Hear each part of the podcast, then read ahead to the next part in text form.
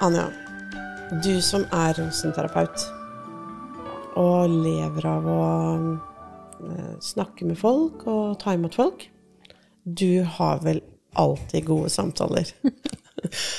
Jeg skulle ønske jeg kunne svare ja på det, men eh, sånn er det ikke, faktisk. Jeg er helt lik alle andre der, tror jeg. Så ja. eh, Det er litt å hente på å ta opp det temaet her, faktisk, for meg òg. Mm. Men du da, Lise. Du som er parterapeut og sexolog. Samtalen tenker jeg er ditt viktigste verktøy i din jobb. Ja, det er jo det. Det er jo det. Åssen er det med dine samtaler? Er de alltid gode? Um, altså, jeg tror vi må skille mellom jobb og privatliv her. Eh, på jobb så håper jeg at jeg får til ganske gode samtaler. Men eh, på hjemmebane så kan det jo kanskje være litt annerledes. Og det er jo noe med at følelsene våre, når de liksom blir eh, aktivert på en eller annen måte, så kan det ha forekommet eh, noen samtaler som har vært litt eh, av mindre sjarmerende kvalitet, vil jeg si. Ja. Da har vi noe felles. Ja, det, og det tror jeg vi har med de fleste. Så jeg tror ikke vi skal være så bekymra for det. Men eh, juletida som vi går inn i nå, da håper jeg i hvert fall at jeg skal få litt mer tid til å ha gode samtaler med de som er rundt meg, og, og, og det tenker jeg kanskje du får anledning til òg. Vi har litt bedre tid. Kanskje får vi møte folk som vi ikke snakker med så veldig ofte. Og da tenker jeg det hadde vært ålreit å kunne ha noen samtaler som ikke bare handler om du, hva har du gjort siden sist? Men at vi kanskje får snakka om sånn andre ting òg. Og det er jo noe av det som vi har lyst til å inspirere litt da, til med denne podkasten her. Mm. Og man kan jo tenke på de gode samtalene som de nære, dype, lange samtalene.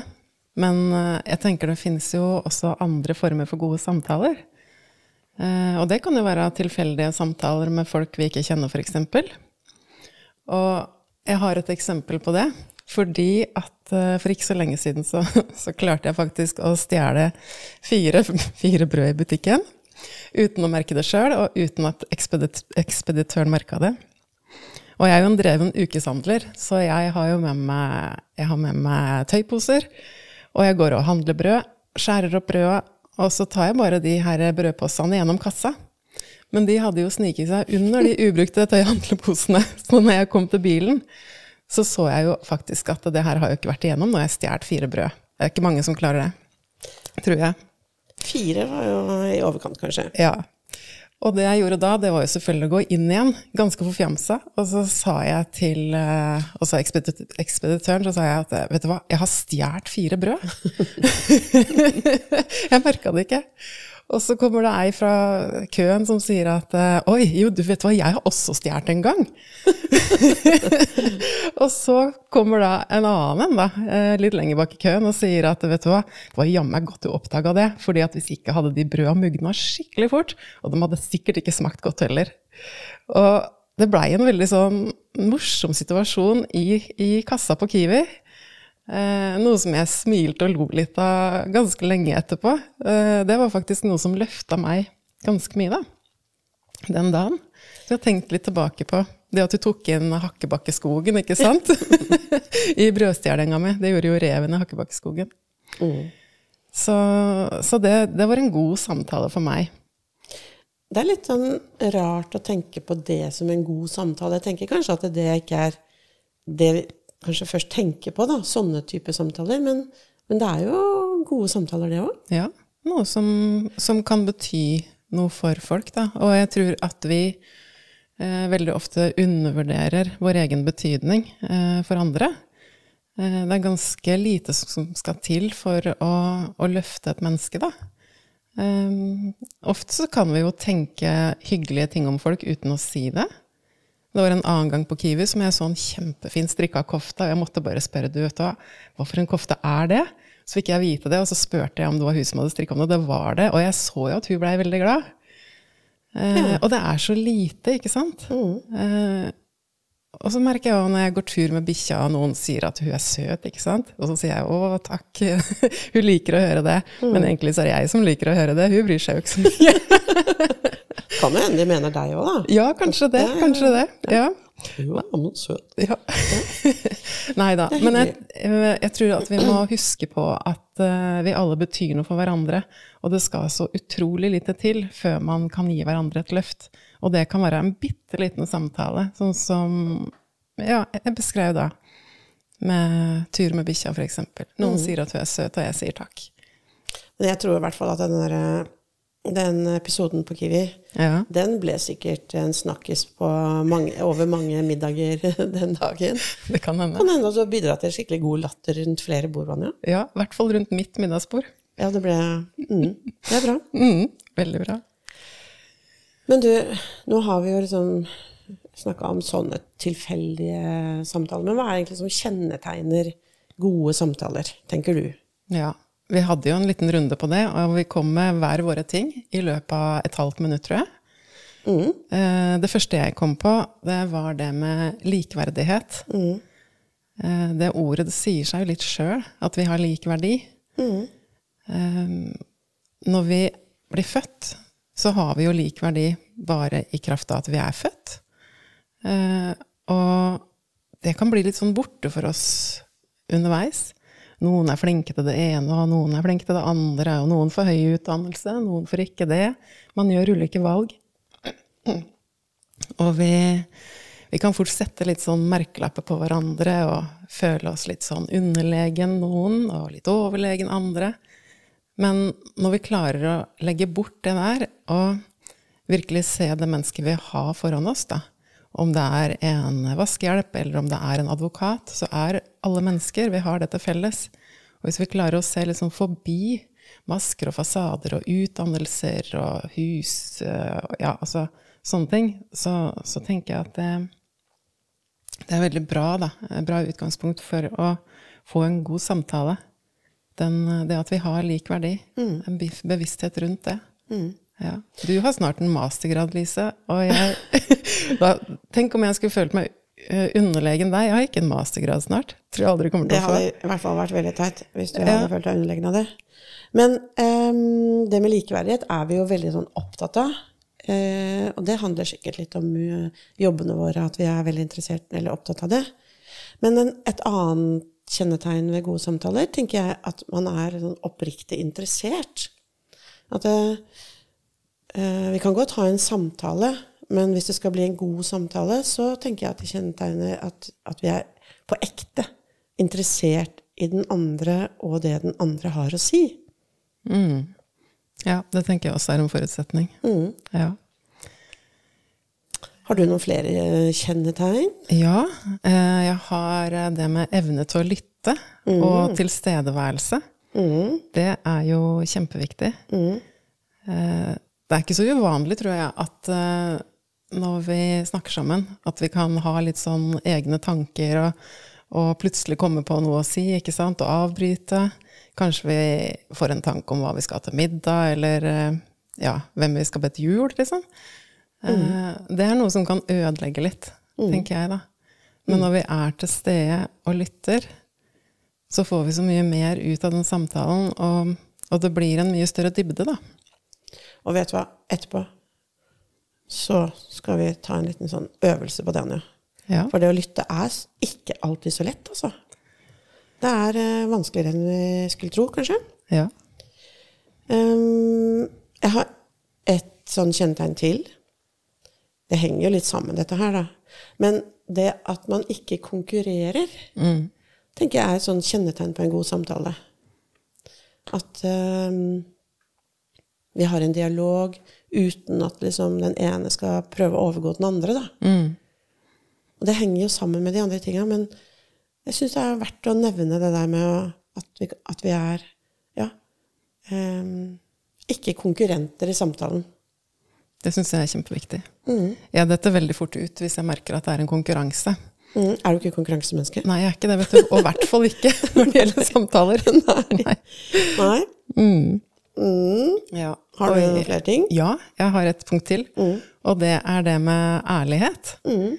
Eh, hvis jeg skal ha en god samtale, så forutsetter det at folk er ærlige, og at jeg er ærlig. Eh, vi må jo selvfølgelig vurdere litt um, når altså hvor ærlige vi skal være, da. Hvis noen spør på butikken, da, 'Åssen går det med deg, Anja?' I forbifarta så sier jeg jo da, det går fint. Eh, selv om det kanskje ikke er eh, helt sant. Kanskje det er litt tungt også akkurat da.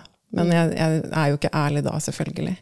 Men det handler om tid og sted litt òg. Ja, det er jo akkurat det det gjør, og, og hvem det gjelder. Ja, at ikke du deler mm, hva som helst med hvem som helst, liksom. Ja, selvfølgelig. Mm. Og det, det er ikke så bra. Jeg har et sånt eh, Jeg skal skal være så ambisiøs eller så voldsomt jeg skal kalle det mantra, men jeg pleier å si at eh, du trenger ikke å si alt, men det du sier, skal være sant. Mm. Det tenker jeg er en sånn slags eh, ja, leveregel, kanskje, da. Ja. Som kan være en sånn greie at jeg skal vurdere Det er riktig å vurdere eh, hva man sier i mange sammenhenger. Men det jeg sier, det er sant. Mm. Ja, det er så, så viktig for meg òg. Jeg har et eksempel fra i går kveld, faktisk. Så hadde jeg en klient eh, som fortalte om sine ting, selvfølgelig. Og så spurte jeg men Anja, åssen går det med deg? Og så sa jeg at eh, jo, det går bra med meg. Og så tenkte jeg at eh, det, altså det var noe som mangla, for egentlig føler jeg at jeg står litt i en sånn gjørme nå, har gjort det en god stund. Eh, så la jeg til at eh, jo, men det er jo ting som skjer i mitt liv også, sa jeg, som ikke, ikke er så greit akkurat nå. Men det er, det, ikke, det, er det, ikke, det er ikke et tema i dette rommet. Eh, og da, da følte jeg at jeg var ærlig, da, uten å si hva det handla om. Eh, det er også en måte å gjøre det på. Eh, da fø- jeg, for hvis jeg hadde stoppa etter, etter å ha sagt at jo, men det går bra med meg, så følte jeg at jeg ikke hadde vært helt ærlig. Men det går an å si at det er noe mer som ikke har lyst til å gå inn på. Mm. Og det kan vi jo gjøre ikke bare med klienter, men med venner og familie og sånt også. Absolutt. Og når det blir respektert, så, så er det veldig ja, bra for meg i hvert fall. Mm. Å kunne være ærlig uten å nødvendigvis gå inn i det. For det er ikke alltid det passer. Nei, det er jo ikke det. Nei. Um, jeg har ett punkt til da, som jeg har lyst til å nevne som sånn kriterier på gode samtaler, og det er at det er en ehm, grad av tillit mellom oss, eller mellom de man snakker med. Ehm, for det Altså, vi kan ha sam, altså, vi nevnte det, så vi kan ha samtaler med hvem som helst. Men hvis det skal være en sånn god samtale, så forutsetter det i hvert fall for meg en grad av tillit, da. Det er jo ikke altså, Jeg regner ikke med at du sjekka ut tilliten til alle de du traff på Kiwi. Eh, men allikevel så valgte du jo å være veldig sånn ærlig og åpen, da. Og innrømme en eh, litt eh, heftig ting. Ja, absolutt. Ja. Ja. Hva tenkte du om den tilliten? Hadde du noe tillit, eller hva gjorde du med det? liksom? Jeg tror at jeg ubevisst la merke til hvem som sto der, da. Og tenkte veldig kjapt at det her var trygt. Og så hadde det stått eh, noen som åpenbart eh, ikke virka trygge å møte, så hadde jeg nok eh, sniket meg ganske kjapt ut og kommet litt seinere tilbake med de brødposene. så, så ja. Eh, det var en grad av tillit der, selvfølgelig. Ellers så hadde jeg jo ikke sagt det foran alle de i køen. Nei. Nei.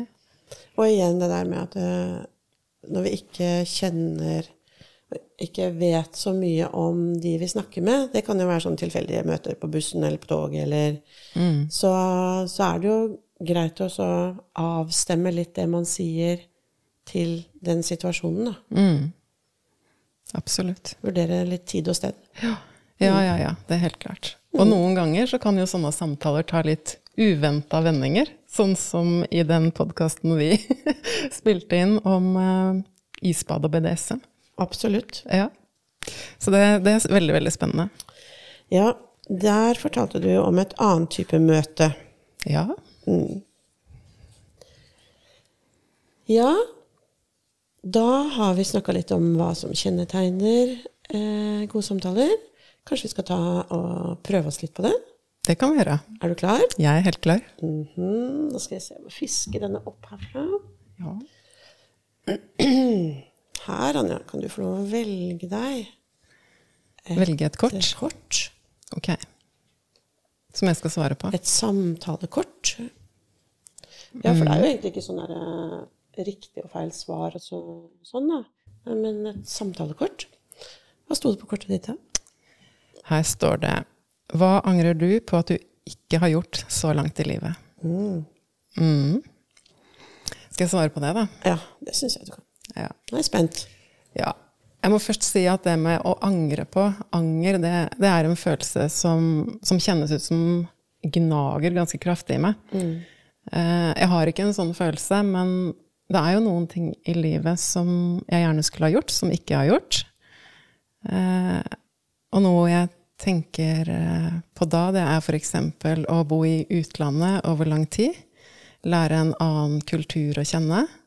Og gjerne et sted hvor jeg også kunne ha fordypa meg i yoga og meditasjon. Mm. Det hadde jo vært litt lettere før jeg fikk barn. Det, det er ikke helt det samme nå. Så det er faktisk en erfaring jeg gjerne skulle hatt, som ikke jeg har. Men uh, samtidig da, så har jeg jo opplevd så mye fint. Jeg er så takknemlig for det som jeg har opplevd. Uh, hadde jeg dratt til utlandet, så kanskje livet mitt hadde vært helt annerledes nå. Kanskje ikke jeg hadde sittet her en gang sammen med deg. Oi, det hadde vært dumt. Det hadde vært skikkelig dumt. Det vært dumt. ja. Så det ble mitt svar. Mm. Men, du har eh, noe liksom til gode, da? Jeg har noe til gode, og det kan hende at ikke jeg skal bo, bo i utlandet et år og fordype meg i yoga og meditasjon. Men uh, kanskje jeg kan få et lite snev av et eller annet eh, i den retninga en gang. Vi får se. Mhm. Men eh, det er mange kort i den boksen her, Lise. Ja, skikkelig mange. Ja. Skal jeg trekke et kort? Trekk et kort. Ja. Jeg gjør det litt enkelt. Trekker fra her. Eh, ja. Hva mener du man ikke bør utsette til i morgen? Ja. Eh, nå hører jeg på en eh, Nå om dagen, da, i adventstida, så hører jeg på en, eh, en podkast som Der snakker de om koselommer. Og det syns jeg er så nydelig ord. Og jeg tenker at eh, koselomme, det handler om små øyeblikk i dagen som eh, vi på en måte tar vare på og unner oss litt noen minutter til å sette meg ned med kaffekoppen og Eller ha lille hunden Molly på fanget og bare sitte og kose litt, eller Det er sånne ting som jeg tenker at det eh, bør man ikke utsette til i morgen. En annen ting som jeg også syns at du ikke skal utsette i morgen, det er å si til folk at jeg er glad i dem. Um, ja, hvis jeg tenker om eh, en person, at jeg er glad i den personen, så har jeg lyst til å si det. Og så vet jeg jo at jeg gjør jo ikke det alltid. Eh, jeg kunne sikkert gjort det mer. Jeg kunne ringt oftere. Jeg kunne skrevet det på en SMS, eller jeg kunne gjort det oftere. Men det er sånne ting som jeg egentlig tenker at det bør man ikke utsette til i morgen.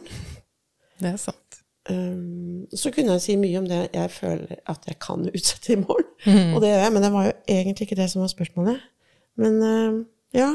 Nei, jeg tror det må bli det jeg tenker i første omgang.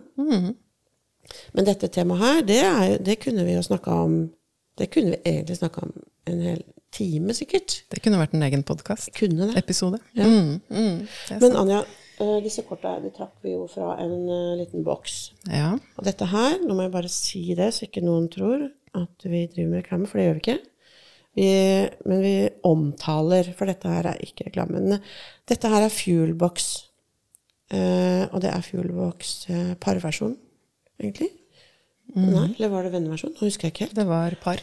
Ja. Eh, Fuelbox blir jo omtalt som eh, den gode samtalen på boks.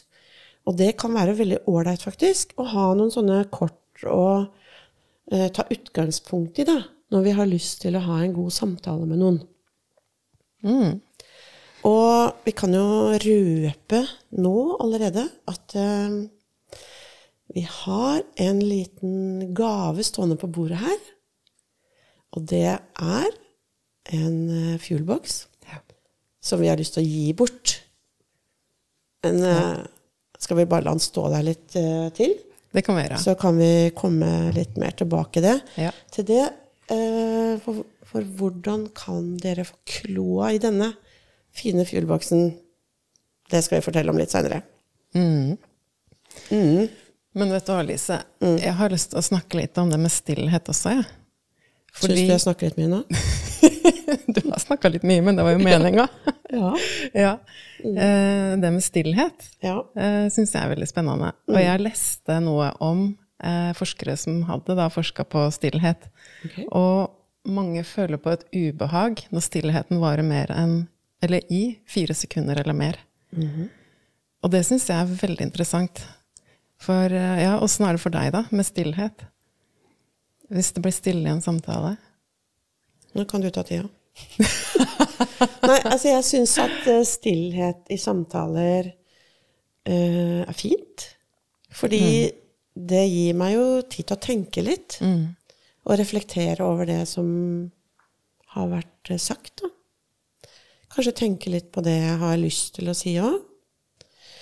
Eh, sånn på jobben til samtaler med Når det kommer, kommer folk hit i sofakroken og prater med meg, så tenker jeg at stillhet er veldig eh, godt. Mm. Jeg syns ikke det er kleint, men det kommer jo litt an på situasjonen nå. Eh, andre arenaer for samtaler kan det kanskje være litt mer sånn kleint med, med for lang stillhet, da. Mm. Ja. Men eh, hva syns du? Eh, Jeg liker den stillheten, fordi at det gir en dybde og en ro. Eh, Vi kommer nærmere, nærmere hverandre, eh, spesielt i enkeltsituasjoner. Da. Eh, Men jeg kjenner også på det, det, et lite ubehag innimellom hvis det blir for stille for lenge. Men det jeg har lært meg nå, da, det er jo å, å romme det ubehaget, og ikke ta ansvar for å løse opp den stillheten. Og bare se hva som skjer. Fordi at det er noe annet som kommer når at vi tillater den stillheten, selv om det er litt ubehagelig. Og det syns jeg er kjempespennende å ja, utforske litt, da. For jeg har jo eh, noen ganger tatt ansvar for å dra samtalen videre, men da blir jeg ikke så autentisk lenger.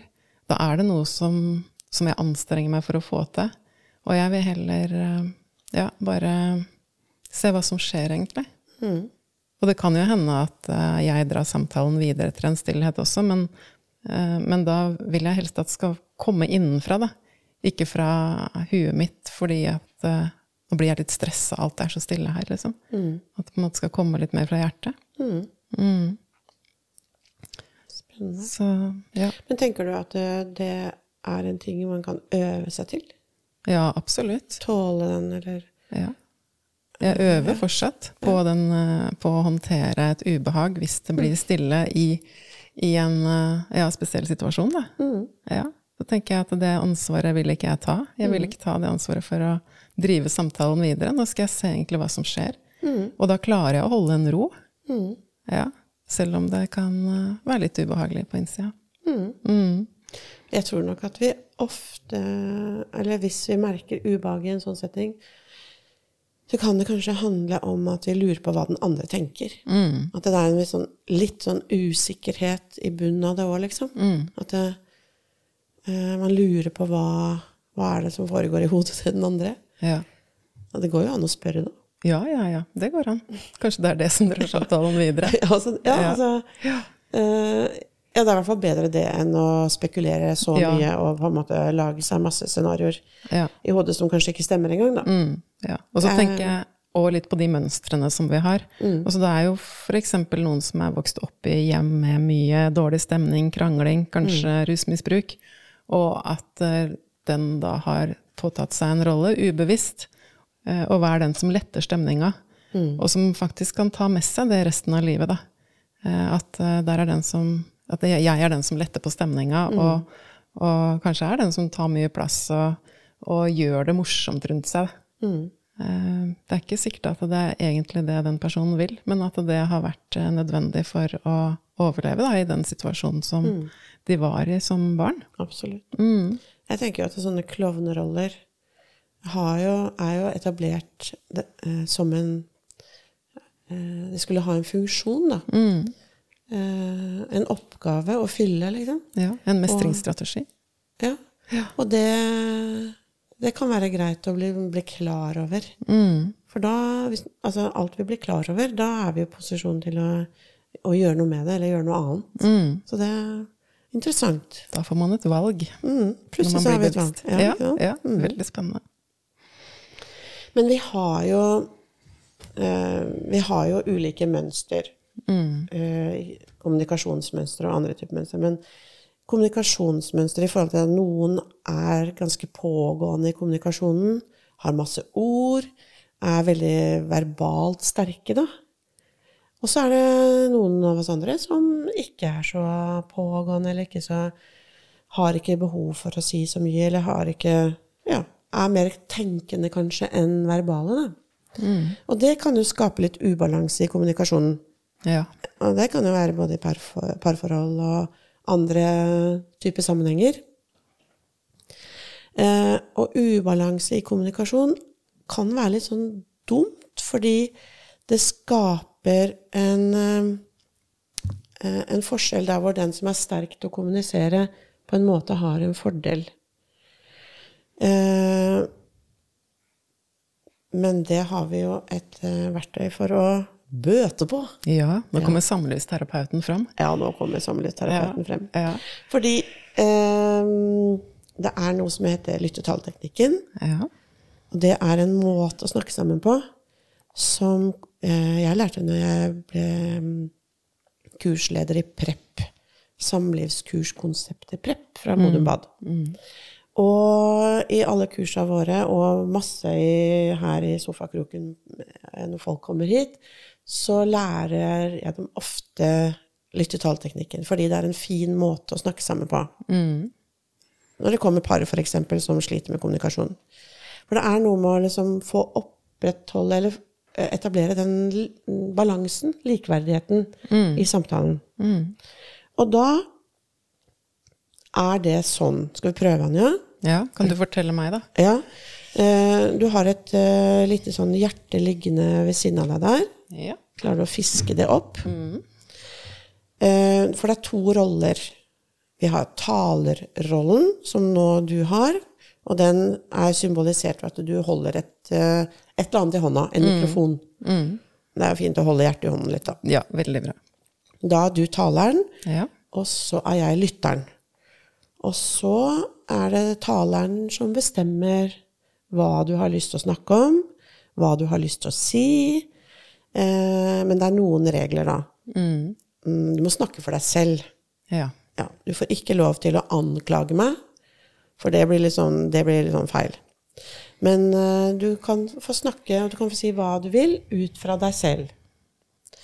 Eh, og hensikten er jo at du skal kunne fortelle, og jeg skal høre, og du snakka i stad om å lytte, å være god til å lytte, eh, og, og på en måte bruke all min kapasitet på å lytte til deg, istedenfor å forberede meg på hva jeg skal svare på det du sier. Nettopp. Sånn, så dette er litt annerledes enn den vanlige dialogen som vi har. Mm. Så det hjertet her, det er egentlig en kjempegod hjelp til å bli god på å lytte. Når Ja. ikke man har hjertet i hånda, så må man faktisk være stille Ja, og lytte. da må jeg rett og slett bruke all min kapasitet på å prøve å høre og forstå hva du sier. Så skal jeg gjenta det du har sagt. Og hvis ikke du syns at jeg er noe særlig god på å gjenta det, så får du prøve å formulere det du hadde ønska, en gang til. Så skal jeg prøve å gjenta en gang til, så se om jeg er flinkere da. For det er, det er skikkelig vanskelig å skulle lytte uten å tenke på på et motargument eller en oppfølging eller noe sånt. Ja, og spesielt, Men du må da. være litt sånn kort, da. Du må ha Ja, korte ja. ellers blir det kjempevanskelig. Og jeg tenker det er ekstra vanskelig hvis det er vanskelige temaer, da. Noe som har bygd seg opp. Da, da tenker jeg at folk kan nesten sitte der og Da sitter man nesten og tripper, ikke sant? Ja, ja. Ja. Men, eh, men det er en kjempefin øvelse, og det er Eh, veldig fint å snakke sammen på den måten om fine ting òg. La oss si at eh, et par, da, mm. som kan fortelle hverandre med denne måten å snakke sammen på, eh, hva de setter pris på med hverandre, f.eks. Mm. Det er sjelden man får anledning til å gjøre det på den måten her. Så, men vi er jo ikke et par, og vi skal snakke om et annet tema. Hva har du Ja. lyst til å si noe om? Jeg har lyst til å si noe om um, hva kontakt med naturen uh, betyr for meg. Ja. Ok, da går jeg inn i lyttemodus. Ja. Og så er det fint at vi har øyekontakt. Det er liksom en del av sånn settingen til denne måten å snakke på. Eh, at vi ser på hverandre. Og jeg skal ha fokus på lytting, og du skal ha fokus på å lage så korte eh, utsagn at jeg har sjanse til å gjenta de. Og jo lengre du holder den, jo på en måte dypere i bevisstheten går du i forhold til hva du faktisk har på hjertet òg, da. Mm. Det er litt sånn skattkisteopplegg, dette her, altså. ja. For da kommer det egentlig mer enn vi kan forestille oss, kanskje. Ja, mer enn det i hvert fall vi sier til hverandre til daglig, da. Ja. Mm, vi prøver. Mm, vi prøver. Um, jeg skal være kort. Mm. Ja. Um, kontakt med naturen betyr enormt mye for meg. Ja, så du sier at det å ha kontakt med naturen, det betyr mye for deg. Mm. Mm, Jeg klarer litt lenger. Du klarer det. Ja. Eh, vi er jo en del av naturen, vi mennesker også. Men eh, det er så lett å glemme. Eh, jeg finner ro i naturen. Klarer å koble ut. Klarer du alt det her, Lise? Vi får se. Ja. Mm. Skal vi stoppe der, så kan jeg prøve å gjenta det? ja. Ja. eh, du sier at vi er jo en del av naturen, vi òg. Mm. Men at det er litt vanskelig, eller lett å glemme. Mm. Eh, og at naturen gir deg ro. Mm. Og så husker jeg ikke mer. Husker ikke jeg heller. Nei Nei, da, men men at, eh, ja, at jeg får en uh, mye dypere pust. Større tilstedeværelse. Um, ja, altså det skjer så utrolig mye bra da, i både kropp og sinn. Ja. Så du opplever at du får en dypere pust når du er ute i naturen, og at det skjer mye ubevisst? Mm, ja, det er helt sikkert ubevisst òg, men mye i, både i kropp og sinn. da. Ja, at det Og- skjer mye i kroppen. Ja, Mm. og at jeg får en økt tilstedeværelse. Ja. Økt tilstedeværelse, sa du. Mm, mm. Um, ja, nå kjenner jeg Det er faktisk litt vanskelig å sitte med det hjertet her. Mm. Um, jeg har egentlig mest lyst til å gi det fra meg, men det er kanskje akkurat da man ikke skal Ja. gjøre det. Ja, det er akkurat da du ikke skal gjøre det. For at det, Ja. uh, når, vi skal holde, når vi holder hjertet litt til, så må vi på en måte tenke litt Og da kan det godt være Det er helt ok at det blir litt sånn stille. Mm, Da kan den der stillheten som vi snakka om i stad, komme veldig sånn til sin rett. Sånn at du får ro til å tenke ja, hva er det egentlig naturen betyr for meg? mm, På et, ja, enda mer enn det du allerede har sagt. Mm. Mm.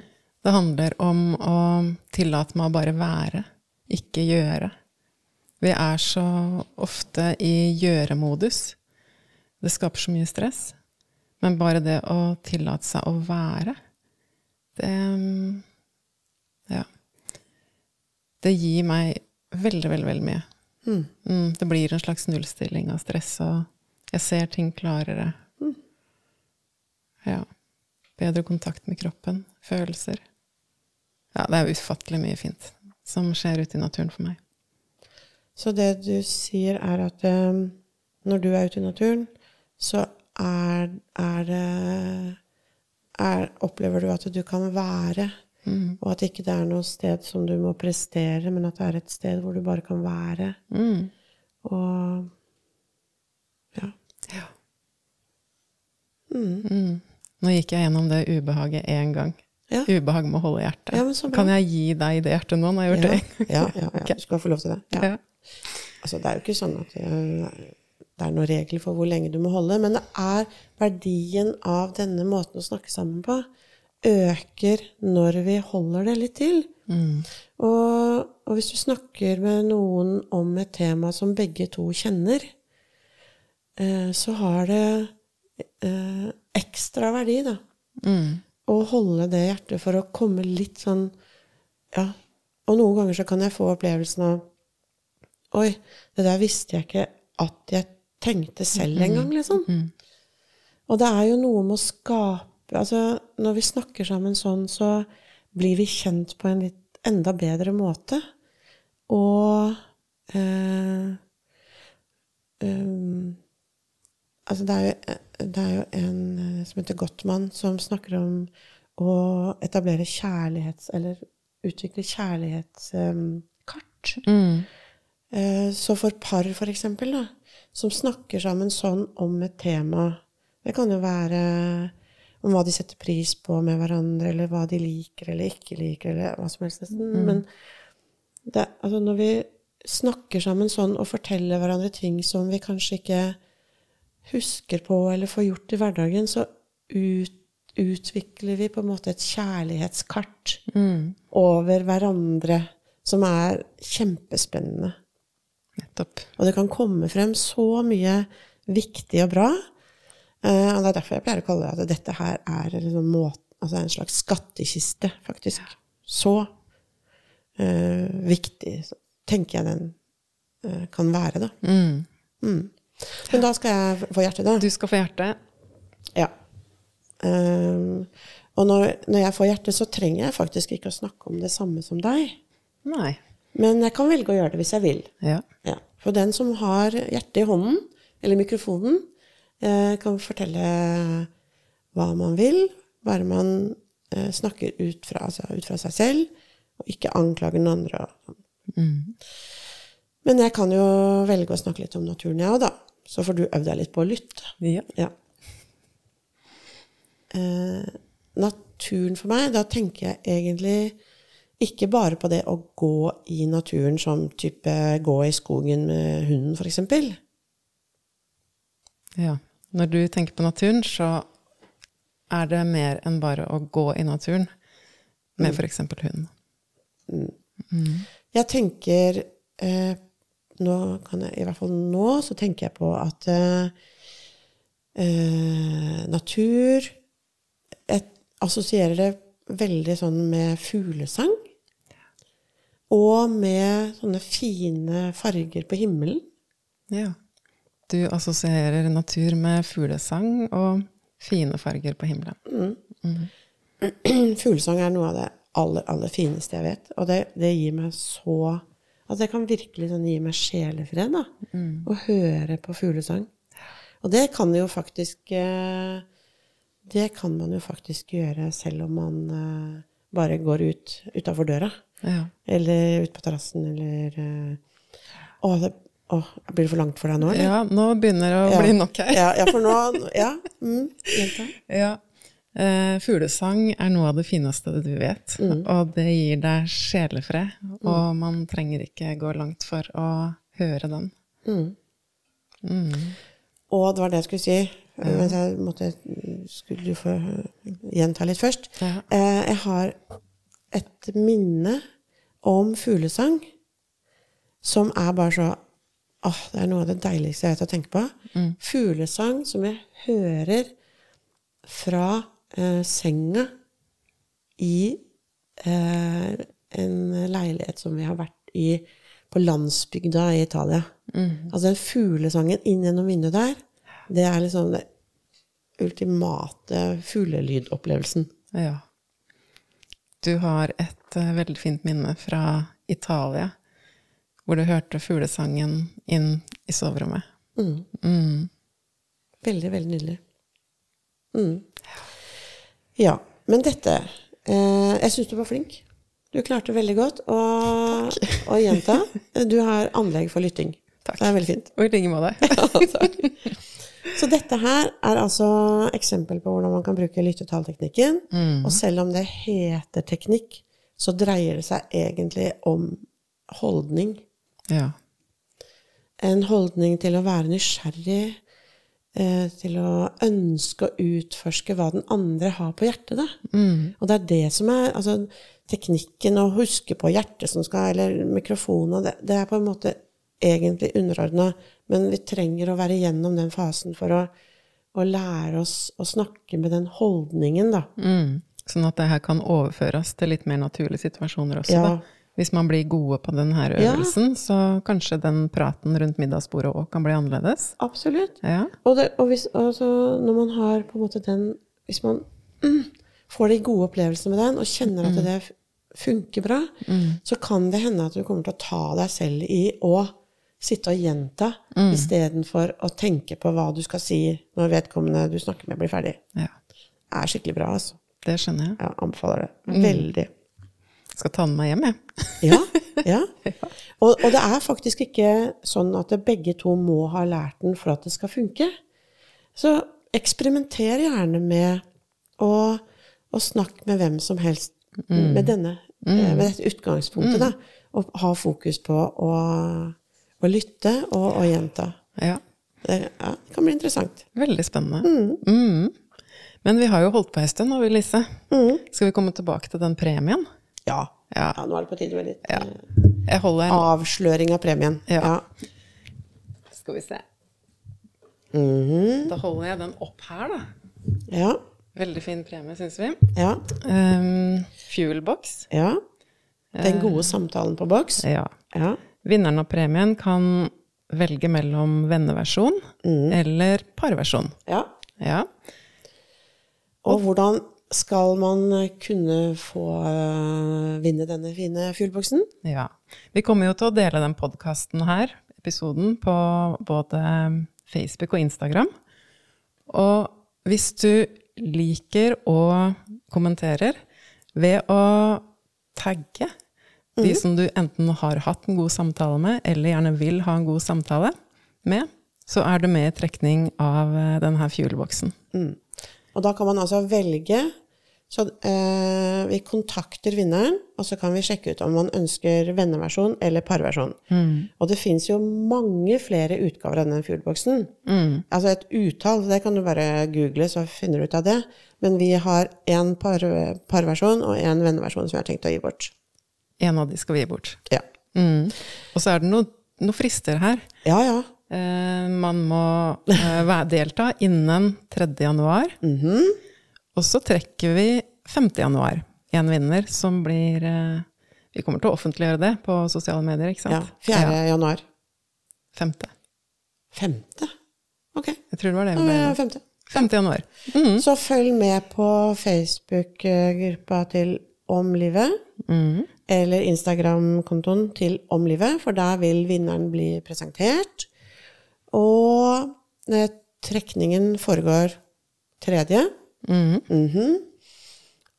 Og eh, det du altså må gjøre, er å like og dele. Gjerne dele, da. Ja. Og tagge de personene som du har lyst til å ha en god samtale med, eller har hatt en god samtale med. Mm. Det Var det, var det klart eh, Reglene klare da? Ja. Og vi kommer jo til å dele denne episoden to ganger. Ja. Først på lille julaften, og så en reminder eh, en uke etterpå. Så da er det flere muligheter for å delta. Mm. Det er derfor det tar litt tid før vi går i gang med trekning, ikke sant? ja. Vi, altså, det er ikke sikkert alle har tid til å sitte og høre på oss på lille julaften. Det har vi forståelse for. Så skal få sjansen til å, å gjøre i løpet av romjula òg. Ja. Men det er bra. Da er jeg kjempespent på hvem som kommer til å stikke av med denne fine fuglboksen. ja. Jeg tror jeg skal delta sjøl, jeg. Er det lov? Du, nei, det er ikke lov. Er det ikke? Nei. Nei, nei. Jeg har ikke lov heller. Men nå, okay. nå har jo jeg en her, og jeg vet at du har en hjemme. Mm. Eller flere. Ja. Så vi får klare oss med det. Men um, Gode samtaler, Anja. Ja. Det unner vi alle. Det tror jeg vi kan si. Yep. Eh, vi håper at vi har eh, fått delt noen ting i denne episoden som mm, du der hjemme kan ta med eh, og gjøre bruk av. I romjula, eller eh, selvfølgelig også i året som kommer. Og vi vil si hjertelig tusen takk for følget. Takk for at dere har hørt på denne podkasten. Kanskje dere til og med har sett, sett på videoutgaven av den. Ehm, vi kommer til i Om livet å komme til masse spennende temaer i året som kommer. Vi har flere ting på blokka, men vi har veldig lyst til å høre også om det er noen temaer du der hjemme har lyst til å, at vi skal ta opp. Eh, kontakt oss. Kontaktinfo eh, finner du på omlivet.no. Så enkelt tror jeg vi gjør det. Og vi kan skrive det i beskrivelsen av podkasten også. Um, ja, da tror jeg nesten det bare gjenstår å ønske alle der hjemme Skal vi ta talekor? En, En riktig god jul og godt nytt år.